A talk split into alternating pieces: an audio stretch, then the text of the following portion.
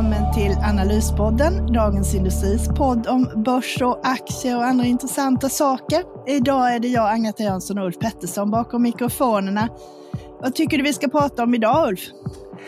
Vi får väl prata om den stökiga börsen tycker jag. Eh, sen så har vi stora nyheter kring SAS får man väl inte glömma bort och lite vad som kommer påverka börsen fram till årsskiftet och hur den kan tänkas gå. Och sen lite aktietips också. Har du någonting utöver det? Ja, du har ju gjort en stor genomgång av investmentbolagen här med tanke på att Industrivärden rapporterar idag, så det tycker jag absolut vi ska prata om också. Och sen Storytel som får konkurrens från Spotify som vi har skrivit om. Vi skrev väl dels om den nyheten, men du har ju skrivit om Storytel innan dess också. Men det gör vi.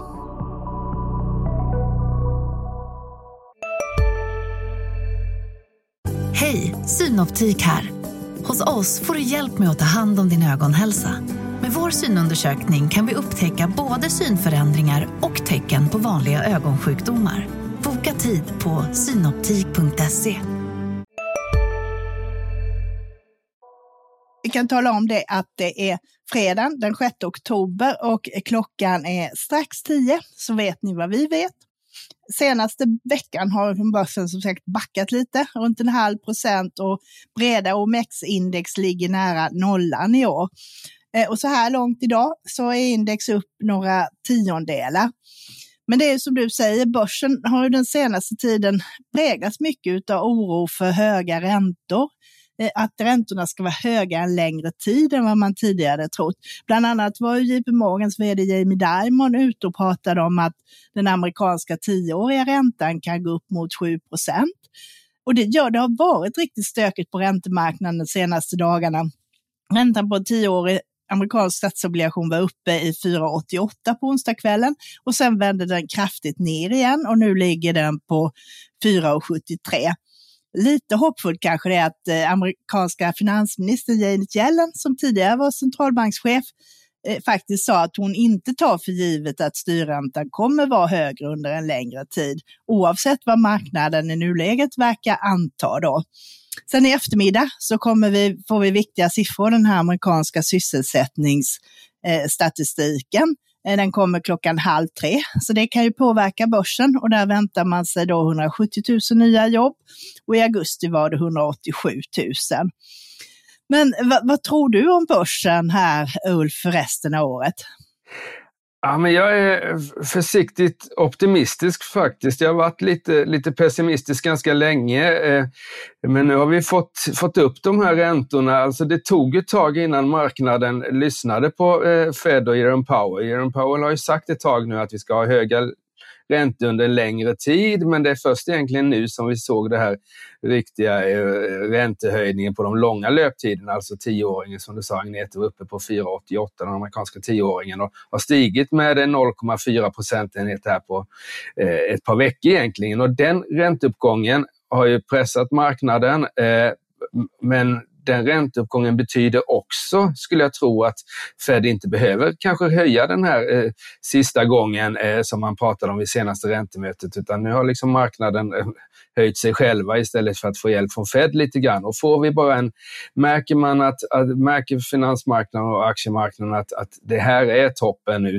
strax under 5 på amerikansk långränta, då, då vet marknaden det och då kan den liksom eh, lugna ner sig lite grann och så kanske vi får en uppgång här under hösten. Vi har ju dessutom, brukar i alla fall ha en, en, en stark avslutning på året. Det är ju så att säga stalltipset. Eh, det är oftast som det går upp det här sista kvartalet.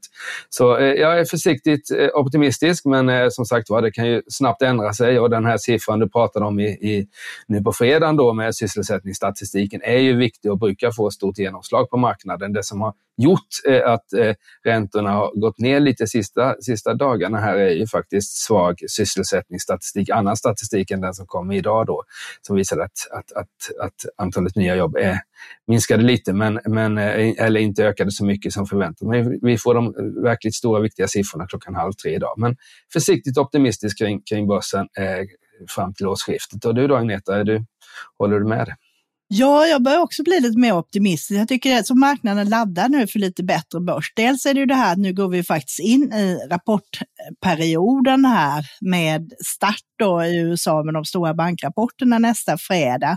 Eh, och då brukar ju fokus på marknaden flyttas från eh, makro och räntor mer mot vad bolagen presterar. Så att eh, det kan vara lite vändningssignaler. Och ser man många bolag här så på de större bolagen så tycker jag man har börjat se lite intresse och det har kommit in lite fyndköpare i, även i de här tillväxtbolagen, de stora i alla fall, som har pressats mycket av lägre räntor. Men det är som du säger, man får ju se, men som sagt, det eh, laddar nog för att bli lite bättre här resten av året. Ja, det ska bli, rapport, den här rapportsäsongen blir ju väldigt intressant då med orderingången i verkstadsindustrin och det är klart att förväntningarna är väl lite nedställda har blivit här för man har ju märkt då på konjunkturstatistiken att den är svag. Eh, vi har haft inte så mycket vinstvarningar men det var en finsk eh, sån här kontraktstillverkare som vinstvarnade nu på fredag morgon och vi har fått lite svaga siffror framförallt från IT-konsulter och teknikkonsulter och sånt där som börjar känna av det.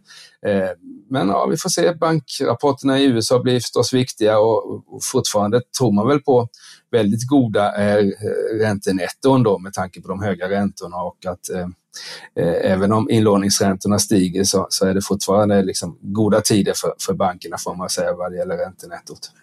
Jo, men så är det ju. Men ett bolag som det inte blir bättre för, i alla fall inte för aktieägarna, det var ju SAS eh, som på tisdagskvällen fick vi ju reda på då att Air France, KLM och danska staten tar och eh, nu investerar totalt 13 miljarder i SAS här och för aktieägarna blir det ju då att innehavet blir värdelöst och stamaktierna ska avnoteras från börsen. Så att det var ju riktigt dramatiskt där på onsdagen så var aktien nere i ett öre och så slutade den på fem öre. Man tror väl att det var en del som har blankat som var inne och stängde för sina positioner för att slippa ligga kvar med utestående här när de ska avnoteras. Men det här innebär i alla fall slutet för SAS som börsbolag, även om det kommer leva vidare som flygbolag.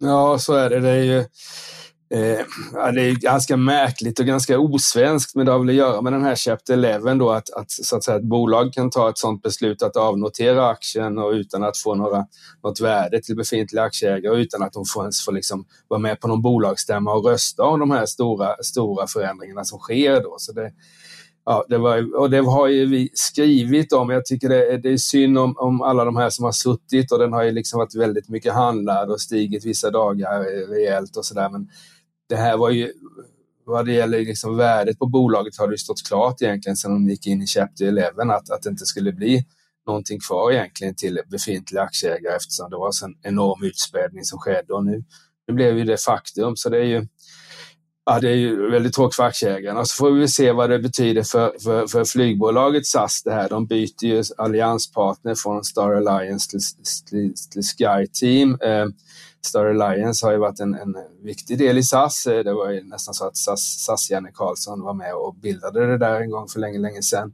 Eh, vi får väl se om det ändrar rutterna och sådär. Det blir ju liksom KLM och Air France som blir partner nu istället för Lufthansa och sånt där som eh, eh, eh SAS har jobbat med tidigare och hur det påverkar Arlanda och hur det påverkar huvudkontoret i Frösunda och så där. Det är ju, än så länge säger bolaget att, att det inte kommer vara något, tvärtom så ska det liksom bli mer verksamhet i Sverige. Men man får väl eh, se tiden an här. Det är ju ändå liksom danskarna som är kvar som ägare och det är väl inte orimligt att Kastrup fortsätter flytta fram sina positioner gentemot Arlanda. Eh, men som sagt var, det är en, en, en, stor händelse och mycket tråkigt för aktieägarna och vi får se vad det betyder för, för SAS. Men de är ju, så att säga, konkursrisken är ju i alla fall undanröjd.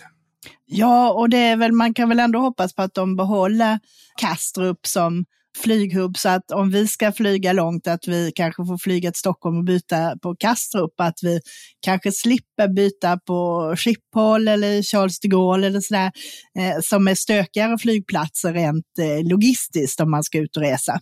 Ja, så är det. Tidigare så har man ju hamnat, kunnat hamna i Frankfurt och så, men nu är det vi får se. Eh, som sagt det vore bra med, med Kastrup fortsätter leva. Det vore bra om Arlanda också fortsätter leva. Men som sagt jag tror det, det kommer nog klarna här även om det tar ett tag.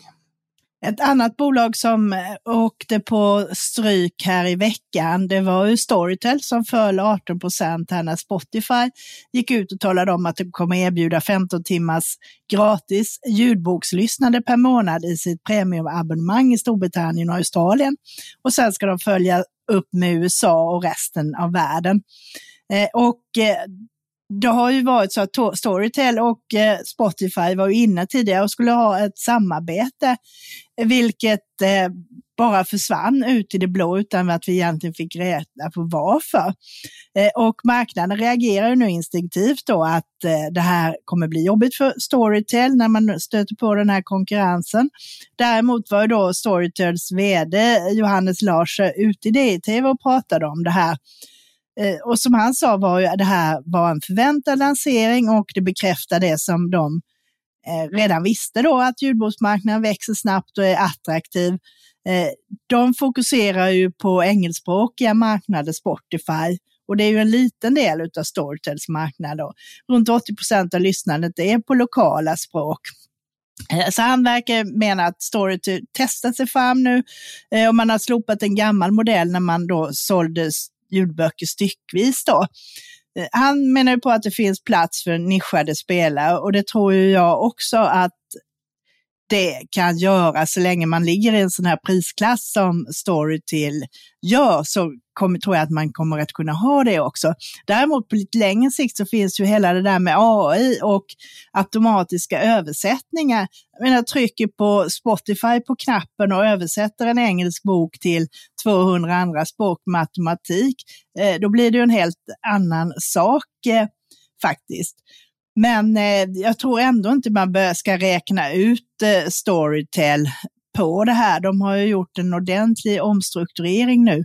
Eh, från att ha varit ett olönsamt tillväxtbolag med kapitalbehov till att faktiskt ganska snabbt verka marschera åt eh, rätt håll. Eh, nästa, och någon gång i slutet av nästa år så borde man komma i alla fall på break-even för att kunna faktiskt hamna på positivt resultat. Eh, 2025. Aktien är väldigt nedtryckt nu, så jag tycker det här är lite eh, överdrivet faktiskt. Det borde finnas plats för mer än aktör än en, om man säger så. Ja, alltså i min värld, du kan det bättre, så är ju liksom det är inte de som läser böcker på engelska eller något annat språk än svenska i Sverige är ju väldigt, väldigt få. Och så är det ju i de flesta länder. Man vill ju läsa på sitt lokala språk och det är klart att Eh, Spotify kommer väl fokusera på de engelskspråkiga. De, de tar ju de stora marknaderna för, Sverige, för de är ju Sverige och sånt här en perifer marknad. Men det är klart, det kanske kan bromsa Storytels eh, expansionsplaner, internationella expansionsplaner en del, men, men vad det gäller deras lokala hemmamarknad så skulle jag säga att den är ju jag känner inte att, att Spotify liksom har, har, som ambition att krossa de här. Det finns mycket andra större vinster som äger någon annanstans. Så jag håller med, det var lite mycket 18 procent eller vad den var ner som mest. Och det är väl lite signifikant för den marknad som är nu att eh, det blir så extremt stora reaktioner på dåliga nyheter. Ja, det blir det ju. Och det är ju så att eh, aktier är en marginalprissättning så att säga. Det omsätts några procent aktier en dag och det, det, det liksom blir väldigt mycket hur många köpare och säljare som är inne som just den dagen som påverkar värdet. Och det är klart att skulle, man, skulle Spotify vilja köpa hela Storytel så hade de ju inte då är det ju liksom något annat när man tar liksom hela bolagsvärdet. Men så funkar ju aktiemarknaden. Det blir stora rörelser. Sen en, en intressant fråga vad det gäller Storytel och alla de andra de här abonnemangstjänsterna via Play och sånt, det är ju hur konsumenterna agerar här när man börjar man se över alla dessa abonnemang som man har skaffat sig en gång i tiden och liksom börjar försöka förhandla priser och sånt där. Men det gäller ju, det gäller ju allt fler bolag. Mer och mer av den försäljning och de, de eh, fakturor man får är ju liksom månadsabonnemang här och det, ja, det, det är intressant. Men jag tycker inte att det här var liksom inte slutet för Storytel att Spotify skulle börja liksom, eh, satsa på, på ljudbordsmarknaden, det tror jag inte. Nej, jag, jag, tror inte det heller, utan jag är fortfarande även där så att säga försiktigt optimistisk eh, eh, faktiskt. Sen får man väl säga det också att Storytel har, är ju ett sådant bolag som har drabbats av det här klimatet vi har haft nu, att man gillar inte tillväxtbolag som inte kommer att tjäna pengar de närmaste åren. Det tillhör ju de här som eh, ingen har vågat vilja ta i, plus att EQT som äger, jag tror nästan 10 procent där, eh, ska ju avveckla den fonden när de har sitt innehav i Storytel. Så det är också en lite negativ faktor i det där. Ja, det är, och det här som Storytel, alltså Storytel har ju en historik av att genomföra en åtminstone en eh, rejäl eh, nyemission varje år egentligen brukar komma eh, så här lite på höstkanten. Och det är klart att den, den marknaden har vi ju inte längre då liksom aktiemarknaden med glädje skicka in pengar i, i, i bolag för att de ska expandera utan nu är det ju mer fokus på kassaflöden, mer fokus på liksom att, att klara sig själva och inte expandera med aktiemarknadens pengar hur som helst. Och det, det får, den verkligheten får ju liksom Storytel ta sig till då, att, att liksom se till att bli lönsamma på sina lokala marknader och dra ner sina internationella expansioner. Sen har ju du tittat på en annan grupp med bolag här som var väldigt populära, inte minst hos eh, privatpersoner och småsparare under pandemin. Eh, och då tänker jag på investmentbolagen eh, som du har skrivit om med anledning på att faktiskt Industrivärden kommer med en rapport här senare idag. Eh, hur är läget där och hur har utvecklingen varit här de senaste tre åren? Ja, det var ju en riktig hås, alltså när börsen, eh, börsen var ju nere eh, rejält, vände i mars 2020 och så fick vi en väldigt stark börsutveckling 20, höst, andra halvåret 2020 och hela 21 och, och rekordnotering där januari 22. Eh, och under den perioden, under den här börsårsperioden så flög ju fastighetsbolag upp i höjden till följd av nollränta men även investmentbolagen började värderas till stora premievärderingar. Eh, många av dem, precis som eh, fastighetsbolagen gjorde. Och sen så fick vi ju en, en när, när börsen vände ner här till följd av stigande räntor 2022 eh, så, så pressades investmentbolagen och eh, de här eh, premievärderingarna på 70-80 procent vi kunde se en del, de är ju nästan helt utraderade nu. Så nu är det ju flertalet värderas ju med rabatt och det tycker jag är sunt. Eh, jag tycker att det finns en diskussion har funnits. Ratos gamle VD Arne Karlsson tyckte att man skulle värdera investmentbolag med, med premien för att de har haft så historiskt god avkastning. Men å andra sidan eh, framförallt rena investmentbolag eh, som består av marknadsnoterade aktier är svårt att motivera en premievärdering på. Det går ju att köpa portföljen till så att säga eh, eh noll, noll premie på börsen om man vill. Så jag, jag tycker och det finns ändå en förvaltningsavgift och sådär. Så jag tycker det är rimligt att man värderar och sen så har vi latenta skatter och sånt. Det är rimligt att man värderar investmentbolag med en liten rabatt, men eh, kanske 5-10 procent eller något sånt där. Och där ligger ju nu de stora Investor och, och Industrivärden, så de är väl ganska rimligt värderade. Jag skulle inte köpa, jag tittade specifikt på Industrivärden här inför rapporten idag då, och där var de ju nere med en substansrabatt på 4 procent eh, som är liksom all time low då för, för 2022 och nu är den eh, 7-8 procent, också ganska lågt. Men skulle den stiga upp till tvåsiffrigt, 10-12, så skulle jag absolut köpa industrivärden till en portfölj. Men när, när rabatten är under 10 så, så känns det som att man, eh, då kan man lika gärna vänta. Hej, Ulf Kristersson här. På många sätt är det en mörk tid vi lever i. Men nu tar vi ett stort steg för att göra Sverige till en tryggare och säkrare plats. Sverige är nu medlem i Nato. En för alla, alla för en. Vi är specialister på det vi gör, precis som du. Därför försäkrar vi på Swedea bara småföretag, som ditt. För oss är små företag alltid större än stora och vår företagsförsäkring anpassar sig helt efter firmans förutsättningar. Gå in på swedea.se företag och jämför själv.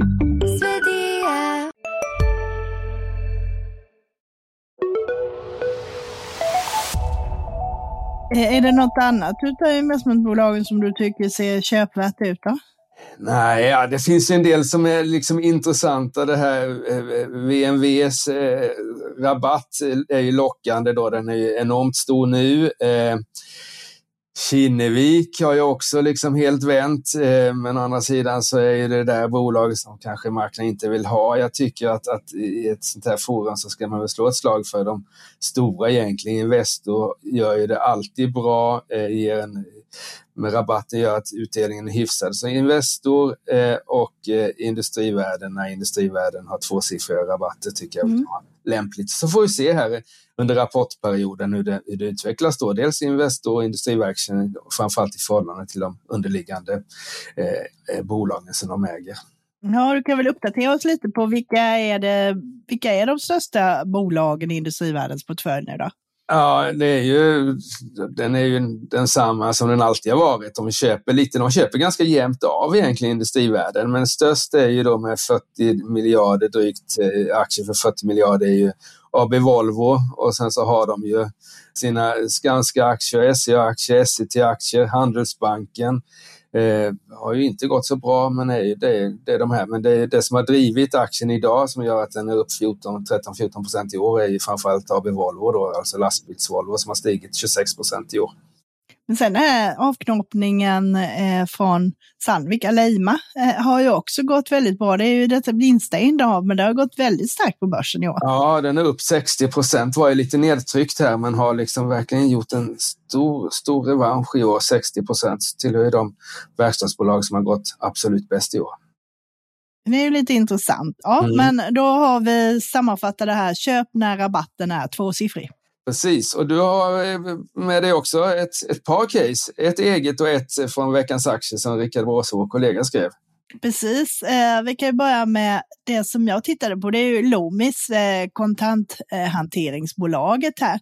Eh, och det som är lite spännande med dem är att historiskt när jag har tittat på dem så har de alltid gått väldigt bra fjärde kvartalet. Så tittar man tillbaka liksom till 2013 eh, så gick det alla åren där fram till 2019 i princip så gick aktien bättre än index fjärde kvartalet. 2016 var ett undantag, då gick det 1 sämre än index. Men annars har det gått ganska mycket, till exempel som 2015 så var Loomis upp 22% och index 7 och du har haft ett par procent bättre än index i princip alla de här åren. Sen vände det 2020, då som bekant pandemin, kontanthanteringen gick ner med alla nedstängningar och sen har det varit motigt efter det.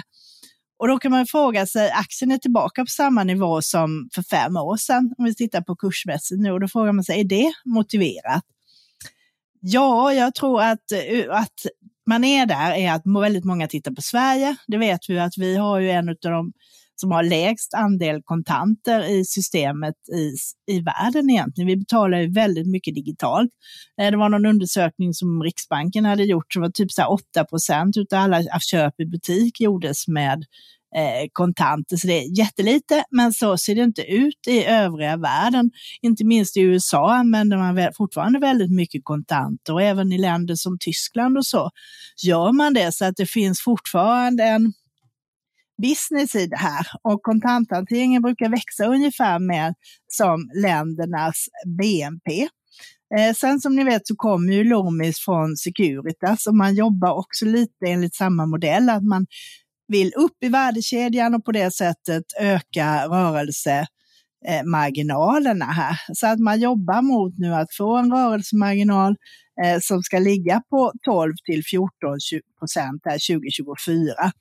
Eh, och på den vägen är man. Förra året så låg det på 10,8 och i år kommer det landa på drygt eh, 11 och nästa år så tror jag man är uppe här eh, lite över 12. Eh, och eh, samtidigt så har du då en bra omsättningstillväxt eh, här. Den var extrem förra året, då växte omsättningen 28 procent, men det är ju också en effekt av pandemiåtergången. Men i år kommer omsättningstillväxten att ligga på 12 procent och sen nästa år kanske plana ut lite och gå ner som ungefär som mot en 4 procent. Men det som händer där också är ju att eftersom aktien har haft en dålig utveckling samtidigt som resultatet har förbättrats så kommer ju värderingen ner. Eh, så du har ju fått ett P tal som har gått från eh, över 20 för några år sedan till nu att ligga här på eh, 9 på nästa års eh, prognos här och eh, på årets prognos runt 11. Eh, som jag tittar på runt 13 som man hamnade på förra året, då skulle du ha en uppsida på en 30 procent. Eh, och sedan så har du också en bra direktavkastning. Eh, på årets förväntade vinst hamnar du ungefär på 4,5 procent och på nästa år på 5 procent. Plus att man kontinuerligt gör återköp för man har inget speciella investeringsbehov. Man har låg belåning, en nettoskuld på 1,5 gånger ebitda, vilket gör att man kan också fortsätta att göra förvärv. Så jag tycker i år finns det faktiskt goda utsikter att eh, de faktiskt kan utvecklas bra resten av året. Bra. Om jag ska eh, ta något som jag tittade lite på här i veckan som har kommit ner i pris också är ju eh, hotellkedjan Scandic, Scandic Hotels, som jag tyckte kom med en helt okej okay, eh, halvårsrapport. Eh, eller helt, den var till och med bra och eh, då stod den i drygt 40 kronor där, nu är den nere 35 så den har fallit 15 procent sedan rapporten. Eh, tittar man på den eh, besöksstatistik som, som, som har kommit från eh, branschorganisationer och så där så är det fortsatt ökning under, under tredje kvartalet. Eh, vi har ju haft ett, en eh, mycket, mycket, mycket turism och mycket utländska gäster här till följd av låga kronor och sådär. Så jag tror att, eh, och Norge och Sverige är ju där Scandic har absolut flest, eh, flest hotell. Så jag tror att det ser fortfarande eh, bra ut för, för, för Scandic. Eh, eh det är klart att de pressas av, av en svagare konjunktur och minskat affärsresande och sådär, men det som, det som ändå är liksom det som växer hela tiden är privat privatboende på hotellen och eh, eh, Sverige är attraktivt på, på, av den här låga valutan och även Norge då. Så jag, jag tycker den, och just den här nedgången på 15-20 procent tycker jag är omotiverad. Nu får vi se när rapporten kommer hur det verkligen gick då Q3, men jag tycker att det finns skäl att vara hyfsat optimistisk kring, kring utvecklingen där. Så Scandic är ett sånt där litet case för, för, eh, inför rapportperioden och efter den tror jag. Jag håller med och det brukar faktiskt dyka upp nu eh, bolag som faktiskt ser intressant ut att köpa. Jag tycker det är också en liten signal för det här att, eh, åtminstone min personliga signal, att när man inte hittar några köpvärda case längre, då är det fara och färde. Men när man börjar liksom titta och börjar bli sugen på att köpa grejer, då är förmodligen andra likadant och då är det liksom signal att kanske är redo för en liten uppstuss. Just det. Och det, du pratade ju om eh, Loomis P-tal och eh, även eh, Även Scandic har ensiffrigt P tal här, en 8-9 ungefär. Så det är ju, och det är ju lågt alltså, även om, även om vi inte kanske med de här höga räntorna ska vi inte värdera bolagen alldeles, alldeles för höga P tal så tycker jag ändå P 9 då, det motsvarar ju liksom en avkastning på 11 procent om man vänder på, vänder på eh, kalkylen där. Så det, det känns bra. Och eh, det som det som är en fördel då för Scandic också är ju att eh, under pandemin så byggdes det väldigt, väldigt lite nya hotell. Det tillkom väldigt få hotellrum så vi är, inne i, är på väg in i en bristsituation på hotellmarknaden här i Norden och det, det gynnar ju de som har hotell eftersom man då kan höja priserna. Mm. Ja, men det låter bra. Eh, berätta, med vår kollega Rickard Bråsa, han skrev det här som vi kallar för veckans aktie och då skrev han om eh, omsorgsbolaget Ambea. Eh, och det är också ett sånt här som är nu eh, lågt värderad. Eh, de hade ju också väldigt motigt under pandemin och där de, alla de här bolagen åkte ju på extra kostnader. Man hade ju alltihopa det här med skyddsutrustningar, det var nedstängningar och man fick ta in en massa extra personal eftersom Eh, man inte fick gå till jobbet om man var minsta lilla snuvig och sådär. Eh, och nu börjar det vända runt eh, i det här och de kommer tillbaka till normalläge. Och nu börjar man se det här att de har ju faktiskt väldigt starka kassaflöde och en stabil intjäning. Men aktien verkar vara kvar på de här bottennivåerna. Så att Rickard tycker just det där att när kombinationen av stabila starka kassaflöden och en anmärkningslåg värdering gör att aktien faktiskt är oemotståndlig då. Eh, och eh, då har du en värdering där till drygt nio gånger DIs prognos för i år och dryga P7 för eh, nästa år.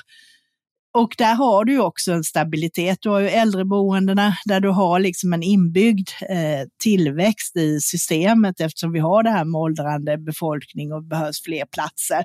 Och sedan har de eh, då eh, vård, eller behandling och eh, vård för yngre personer som lider av psykiska problem. Man har köpt ju Aleris eh, omsorg tidigare utav Investor som man har hållit på att jobba med att integrera under några år. Här, så jag, och jag håller med Rickard, det här är ett intressant case och risken måste ändå anses vara ganska låg. Ja, det som Rickard skrev där också var väl att den här politiska risken som har pressat den typen av bolag och även skolföretagen eh, anser han väl vara lite överdriven. Jag håller med dig. Skol, skol, skoldebatten har ju tonats ner nu, men den finns ju ändå kvar. Men den här vård, alltså privat, privat, privata ålderdomshem eh, känns inte som eh, politikerna kommer börja röra nu då.